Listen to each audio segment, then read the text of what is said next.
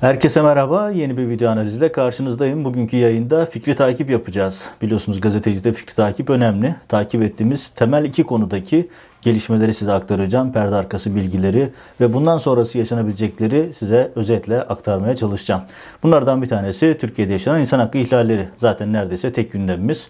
Diğeri de Reza Zarrab. Biliyorsunuz 17-25 Aralık, şey 17 Aralık 2013'ün ana aktörü Reza Zarrab o gün bugündür hayatımızda ve şu anda Amerika'da yeni hayatına devam ediyor. Biliyorsunuz geçtiğimiz aylarda ben Miami'ye gidip yeni hayatını görüntülemiş ve cezaevinde olduğu sanılan Reza Zarrab'ın aslında Miami'de lüks bir hayat yaşadığını ortaya koymuştum. O gündem devam ediyor. Bugün de Amerikan medyasında e, başta Miami Herald olmak üzere önemli gazetelerden birisi bu bölgede e, Amerikan merkezli organize suç ve yolsuzlukları bildirme projesi. Bu önemli. Ee, özellikle organize suçlar konusu, kara para aklama konularında çalışan bir e, hareket ve bu hareketin içerisinde ünlü gazeteciler de var. Çok yaygın ve güçlü bir ağa sahipler.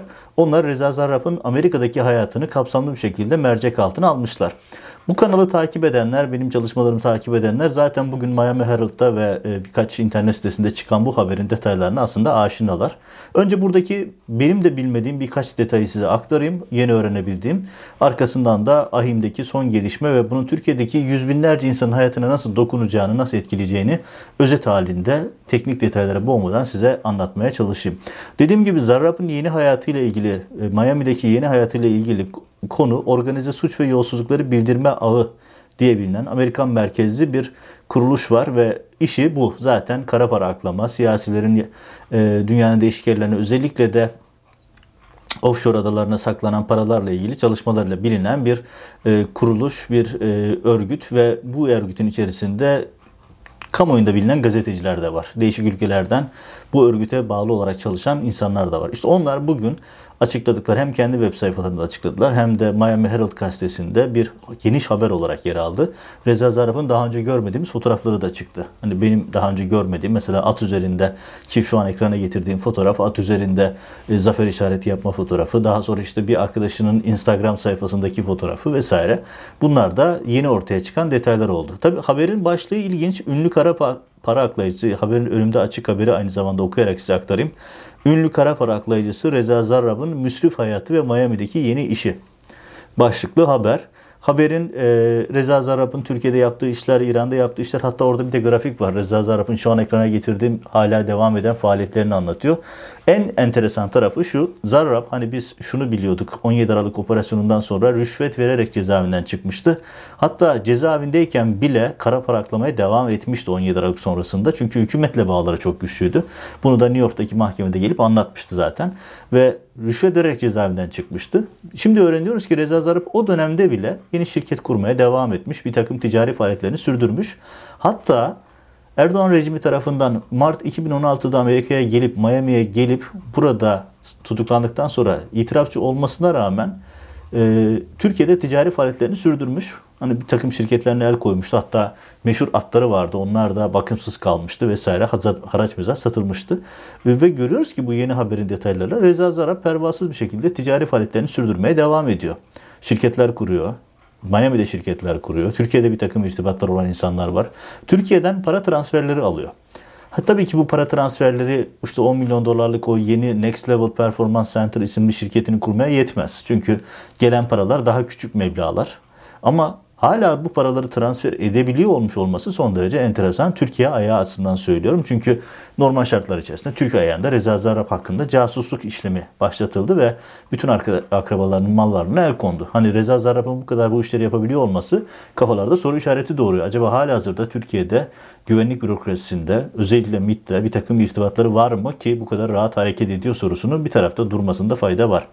E, bu haberin detaylarına göre işte Miami'de biliyorsunuz bu kanalda yaptığım haberde detaylı bir şekilde anlatmıştım. Reza Zarrab 1.2 milyon dolara eski adı e, Twin Horse olan bir e, at çiftliğini satın alıp daha sonra Next Level Performance Center diye değiştirdi. Bu ara benim Reza Zarrab'ı ziyaretimden sonra e, bu yeni haberde de gördük. Zaten haberde muhabir de anlatıyor. Bir muhabir, e, Miami Herald'ın bir muhabiri Reza Zarrab'ın benim de gördüğüm, gittiğim o ziyaret ettiğim yerdeki e, iş yerine gitmiş. Kapı kapalı, kapıya girilmez yazısı konmuş. Ben gittiğimde onlar yoktu. Hani bir çeşit güvenlik tedbiri almış. Hatta oraya canlı güvenlik koymuş. Çünkü güvenlik geleni gideni çekiyor vesaire. Hani Reza Zarrab da bir takım tedbirler almış benden sonra öyle gözüküyor. E, yaptığı işlemleri anlatıyor. Oradaki paralarının tabii Türkiye'den şu anda transfer etmiş olması mümkün değil. Çünkü orada milyonlarca dolarlık bir harcama var. Onları daha önceden getirdi belli. Tabii bu e, Miami Herald'ın haberinde ve e, bu e, organizasyonun çalışmasında dikkat çeken bir şey var. Reza Zarrab'ın neden at işine girdiği, at çiftliği işine girdiği ile ilgili de detaylar var. Çünkü Amerika'da, özellikle Amerika'da da bu böyle, hani dünyanın değişik yerlerinde de var bu. Sanat ve e, at spor, yani şöyle ifade edeyim, e, sanat galerileri aslında bakılırsa kara para aklamak için ideal yerler. Dünyada böyle enteresan bir sistem işliyor. Çünkü bir ürünün bedelini belirlemek e, kişilere göre değişiyor. Yani şöyle ifade edeyim. İşte bir şu suyun bedeli her yerde 50, 50 centtir. Belki en pahalı yer olsun. Hadi İstanbul Havalimanı olsun orada 10 dolar olsun. Daha ötesi olmaz. Hani daha fazlası olması mümkün değil. Hani İstanbul Havalimanı'nda Erdoğan ve ailesi orayı ele geçirip astronomik rakamlara satıyor. Sürekli haberlere konuluyor biliyorsunuz. Bir hamburgere 100 dolar falan veriyorlar. Şey 100 lira falan alıyorlar. Ama orada bile bellidir. Ama sanat dünyasında ve at e, biniciliğinde, at yarışlarında rakam konamıyor. Yani bir ata birisi gidip 1 milyon dolar verdim diyor. Niye diyorsunuz? Ben bu atı çok sevdim diyor. İşte rengini sevdim, kuyruğunu sevdim, kulaklarını beğendim vesaire diyebilir. Bu kara para aklamak için çok belirgin bir iş ve bu haberde de yine bu de, de, belirtiliyor ki Reza Zarrab'ın neden at işinde ısrarcı olduğunu da bir detayı orada var. E, haberde yine yer alan detaylara göre bir e, Reza Zarrab ee, Miami'nin en lüks semtlerinde e, Davy'de yaşıyor dediğim gibi. 5 odalı dev bir malikanede yaşıyor. Ee, kız arkadaşı var. Hatta kız arkadaşıyla kavga etmiş. İşte polis kız arkadaşı bilmiyormuş e, Reza Zarrab'ın aslında Reza Zarrab olduğunu. Çünkü orada e, Richard Ferrari ismini kullanıyor. Başka yerde Richard Aaron Goldsmith kullanıyor. Değişik isimler kullanıyor. Yani bin bir suratlı bir isim Reza Zarrab burada. Ve İranlılarla yoğun teması var. Zaten ortağı da e, Manuşer Negahban isimli bir İranlı. İranlı'nın işi de zaten at e, biniciliği sektörü. Hatta e, ev adresi de e, ve kurduğu şirketlerin hem şirketi hem adresi de aslında Virginia'da Washington DC'nin hemen dışında bulunuyor. E, Alexandria tarafında Springfield'de iş yeri var. Oakton isimli mu- muhitte de evi var. Öyle gözüküyor kayıtlarda bu şekilde. Ben de gittim evini dahi gördüm dikkat et, e, çalışmayı yaparken. Sonuç itibariyle Reza Zarrab e, savcıyla anlaştıktan sonra Amerika'da lüks hayatına devam ediyor. Hatta e, Miami'nin en popüler, en zengin muhiti olan e, Biscayne bölgesinde ki burası bir körfez, e, man- deniz manzaralı zaten yani manzara zaten muhteşem o bölgede. E, orada e, 3.6 milyon dolarlık bir apartman dairesinde yaşıyordu. Bu konak gibi ya da işte mansion'da yaşamadan önce ark öncesinde buradaki e, lüks malikanede yaşıyor. Hatta e, şey e, kondoda yaşıyor. Kondo apartman dairesinde yaşıyor ve e, muhabirler onu apartman dairesinin önünde Türkçe konuşurken görüntülemişler. Tabi burada şöyle bir e, hani çok şey gibi gelir işin magazini gelebilir ama bizim gazetecilikte haber atlatmak diye bir tabir var. Yani siz bir haberi çalışıyorsanız başka bir gazeteci o haberi yaparsa haber atlatılmış oluyorsunuz. O gazeteci de atlatmış oluyor. Ee, ben tabii farkında olmadan Miami Herald'ın ve işte bu organizasyonun bütün muhabirlerinde atlatmışım. Çünkü haberin altında 7 tane imza var. 7 muhabir bir araya gelmiş ve böyle bir çalışmayı aylarca sürütmüşler. Çünkü aylarca bu çalışmayı yaptıklarını zaten haberin serverinden anlıyorsunuz ama onlar Reza Zarrab'ı e, o oturduğu lüks apartmanda görüntülemeye çalışırken aslında ben Reza Zarrab'ı bunlardan habersiz bir şekilde gidip evinde ve e, iş yerinde görüntülemiş oldum. Onlar açısından da enteresan bir nokta. Tabii bir nokta daha var. O da şu. E, haberi yapan hani Türk medyası biliyorsunuz o haberde benim adımı çıkarttı. Benden bahsedenler de haberim adımın önüne bir takım terörist yaftaları falan koydular. Garip şu ki Miami Herald ya da işte Amerikan medyasında bile haberlerde e, benim adımı onlar da çıkartmışlar. Türk medyasına çıkan haberlere göre diyorlar. Hani iyi niyetli düşünsek şunu diyebilirler. Ya biz Türk medyasından alıntı yaptık. İşte Türk medyasında da senin adın yoktu diyebilirler. Hani iyi niyetli bakarlarsa, kötü niyetli bakarlarsa atladıkları haberin e, bir bakıma e, atlanmış olmasından verdiği psikolojik rahatsızlık diyebiliriz. Ama sonuç itibariyle Reza Zarrab'ın yaptığı bütün dolapları, üç kağıtları ortaya döken polisler ülkenin namusunu kurtarmışlar. Çünkü gerçekten de karşımızda binbir suratlı bir dolandırıcı var ve Erdoğan'ı AKP kabinesinin önüne yatırmıştı. Onları rüşvete bağlamıştı. Onlar için hayırsever iş adamıydı ama görüyoruz ki Reza Zarrab lüksünden, lüks hayatından, gece hayatından vazgeçmiş birisi değil. Bu şekilde Miami'de yeni hayatını devam ettiriyor. Bakalım önümüzdeki günlerde başlayacak olan Halkbank davasında tekrar kürsüye çıktığında ne anlatacak deyip bu konudaki fikri takibe bir virgül koyuyoruz. Reza Zarrab'ı takip etmeye, e, gelişmeler aktarmaya devam edeceğiz. Şimdi esas bu videoyu çekme nedenime gelen konuya gelelim. Avrupa İnsan Hakları Mahkemesi'nden pazartesi günü itibariyle 7 Aralık itibariyle çok önemli bir karar çıktı. E, 7 Aralık Salı itibariyle pardon çok önemli bir karar çıktı. Bu karar e, şu an Türkiye'de devam etmekte olan binlerce FETÖ davasını boşa düşürüyor. Neden boşa düşürüyor? Diyor ki Avrupa İnsan Mahkemesi aldığınız kararlar işte böyle kafanıza göre milat uyduramazsınız. Kafanıza göre şu tarihten sonraki işlemler terör örgütü işlemi sayılır. Bu tarihten öncekiler bir şey sayılmaz gibi kararlar veremezsiniz diyor. Özetleyeyim hani olur da çünkü bu konu Türk medyasına yansımadı. Havuz medyası ve Türk medyası sözüm ona muhalif medya dahi bunlar da yargı, e, anlatmadılar. Haberi aktarmadılar. Ama özü şu, KHK'lı bir öğretmen var. Haberin e, kahramanı, daha doğrusu mahkeme kararının kahramanı Yasin Özdemir. Kendisi öğretmen. Hatta bir haber üzerine. Trajikomiklik de şurada. 17 e, Aralık sonrası yapılan bir haberin üzerine kendisi bir web sitesinde yorum yazıyor. Diyor ki ya mahkeme kararı olmadan kimseyi terörle suçlayamazsınız şeklinde. Yani bir öğretmen hukuku hatırlatıyor. Hatırlattığı bu hukuk sebebiyle, tweet paylaşımı sebebiyle 15 e, Temmuz sonrasında tutuklanıyor. E, önce terör örgütü üyeliğiyle tutuklanıyor. Arkasından terör övme e, suçlamasıyla iddianame hazırlanıyor vesaire. Ve e, hapis cezası alıyor. 7 ay küsür e, hapis cezasına muhatap oluyor. 7 ay 15 gün Anayasa Mahkemesi bu e, kararı yani Anayasa Mahkemesi sürecinde bittikten sonra AHİM'e gidiyor. Tabi AHİM'de yani çok eleştirecek konu var AHİM'le ilgili onu da ifade edelim. Yani birincisi çok yavaş.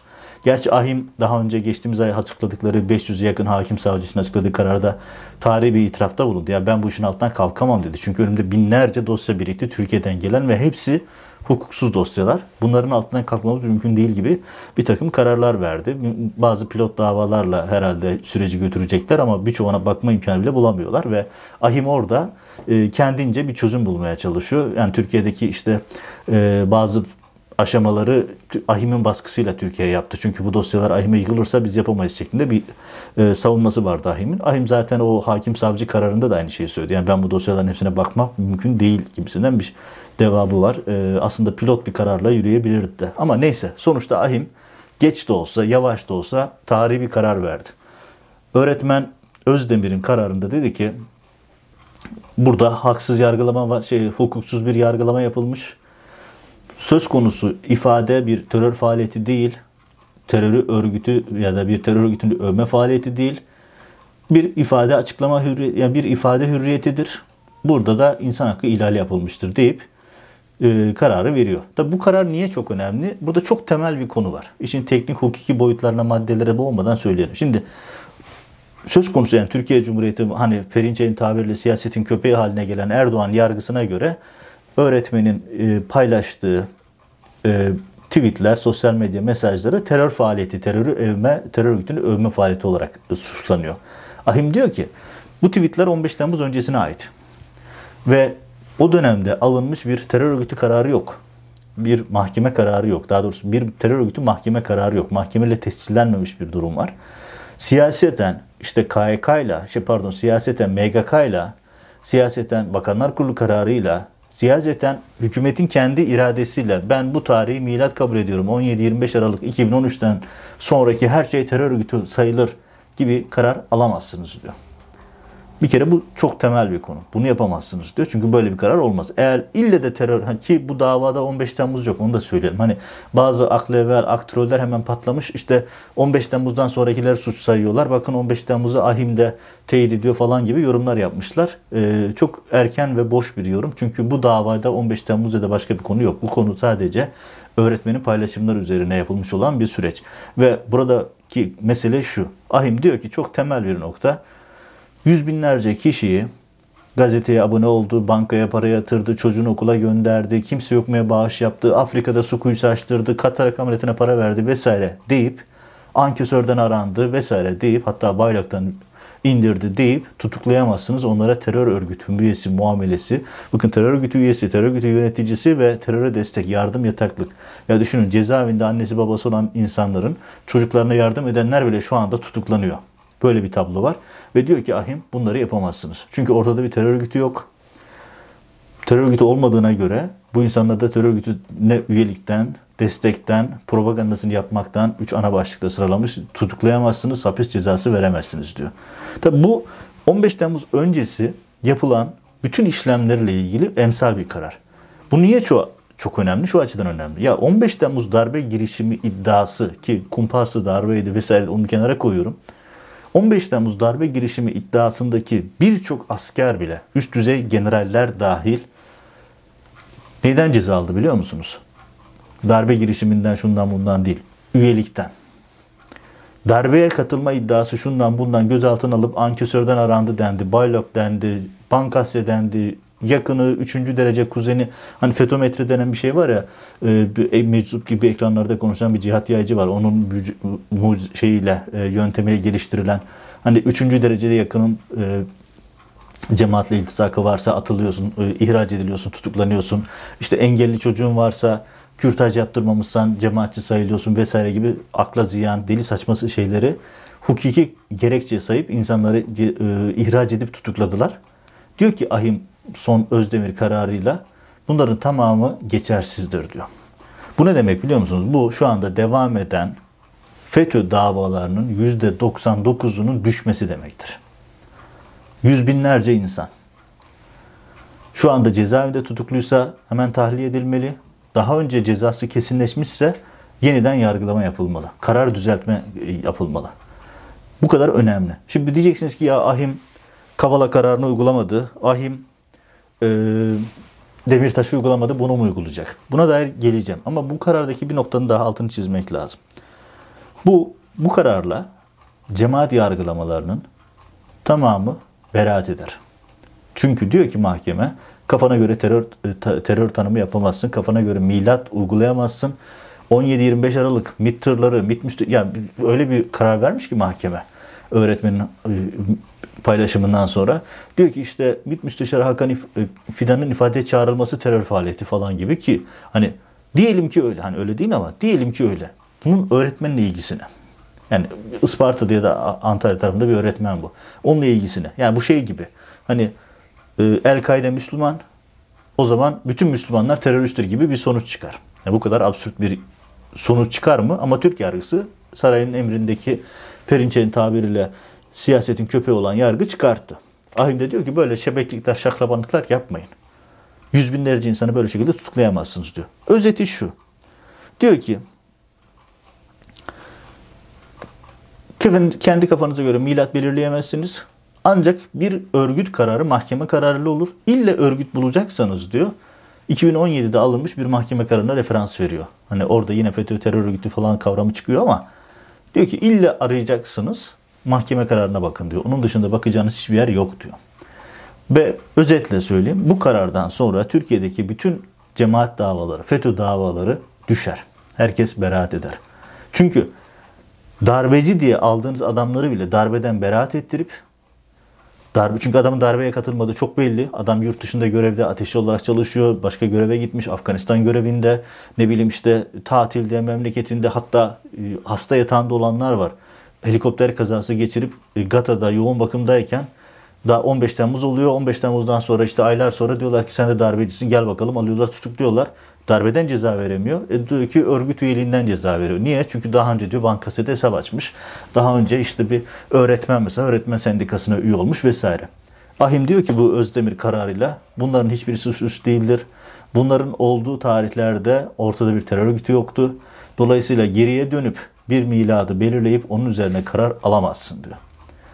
Bunun sonucu şu, bu davaların hepsinin beraat etmesi, bozulması gerekiyor. Çünkü AHİM'in bağlayıcılığı var. Anayasanın 90. maddesi uluslararası anlaşmalar yerel e, yerel yasaların üzerinde. Anayasanın 90. maddesi gereğince AHİM'e uymak zorunda. Şimdi biraz önce söylediğim konuya geri gelelim. Hani ahim Kavala kararını uygulamıyor. Selahattin Demirtaş kararını uygulamıyor. Bunları mı uygulayacak?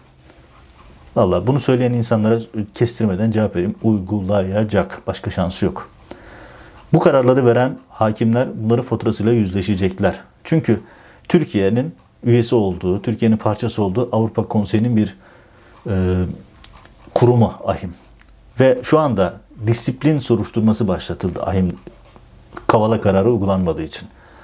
İşte AHİM yine bir son dakika böyle yani bana göre gereksiz bir hareket ama hani son dakika yine biz bir fırsat verelim dediler. Kavala'nın bir sonraki duruşmasına kadar yine bir zaman tanıdılar Türkiye'ye. Eğer Kavala hala tahliye edilmezse arkasından Türkiye ile ilgili ihraç ya da disiplin süreçleri başlatılacak. Türkiye'nin konseyden çıkartılması sadece siyasi bir hareket değil, ekonomik, sosyal, hukuksal bir sürü yansıması var. Hani çok böyle basit bir karar değil. Konseyden çıkarsak çıkalım. Yani bu sadece işte havuz medyasındaki e, bir takım medya maymunlarının söyleyeceği şeyler. Aklı başında hiç kimse böyle adımlar atmaz, söylemez de bunları. O Türkiye'nin çökmesi demek. Peki hükümet ne kadar direnebilir?